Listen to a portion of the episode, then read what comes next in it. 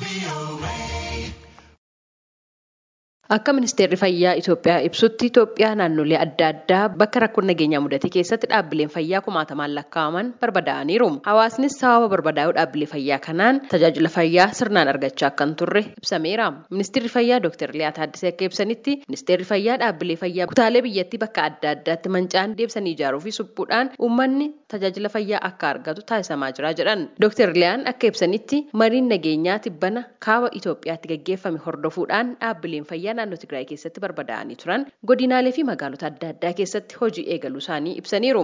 በትግራይ ክልል ሰብአዊ አገልግሎቶችን ለመስጠትና የጤናው ስርዓት ወደ ነበረበት እንዲመለስ ለማስቻል ከሚመለከታቸው ባለድርሻ naannoo Tigraay keessatti tajaajilli deeggarsa namoomaa fi tajaajilli fayyaa bakka turetti akka deebi'u taasisuudhaa fi qaamolee dhimmi ilaallatu waliin karoorri bahee hojiitti seenameera. Akka damee fayyaatti gariin soddoma ta'an kan ministeera fayyaa fi dhaabbilee itti waamni isaanii immoo ministeera fayyaatiif ta'an keessaa kan walitti dhufan kallattii allamaaxaatiin koram shiree akkasumas aksumii fi adwaatiin marsaa lamaan dhaabbileen fayyaa akka deebi'anii tajaajila kennuu eegalan deeggarsa taasisaa jiru. Dhaabbileen fayyaa soddomii sadii ta'anii fi baankiin dhiigaa aksumitti argamu akkasumas immoo bakkeewwan buqqaatonni itti da'eeffatanii jiranitti qorannoon taasisameera. Shiree aksum koram allamaaxaa fi adwaatti dhaabbileen fayyaa soddomii ja'a ta'an hojii eegalaniiru. Isaan keessaa kudha lama hospitaalotadha.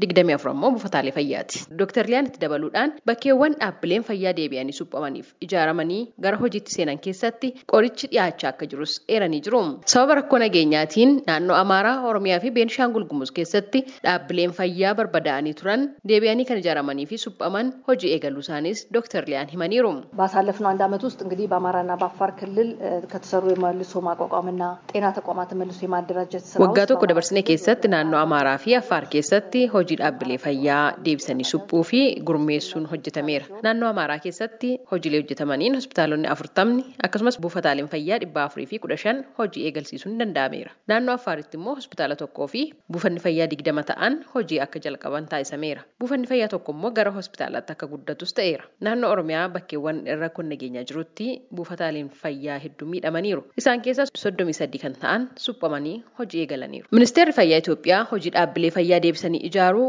qooda fudhattoota adda addaa waliin ta'uudhaan eegalame cimsee kan itti fufu ta'us Dr. Liyaan hubachiisaniiru. Gabaasa sagalee Ameerikaatiif Tsahaay Daamxoo Finfinneerra.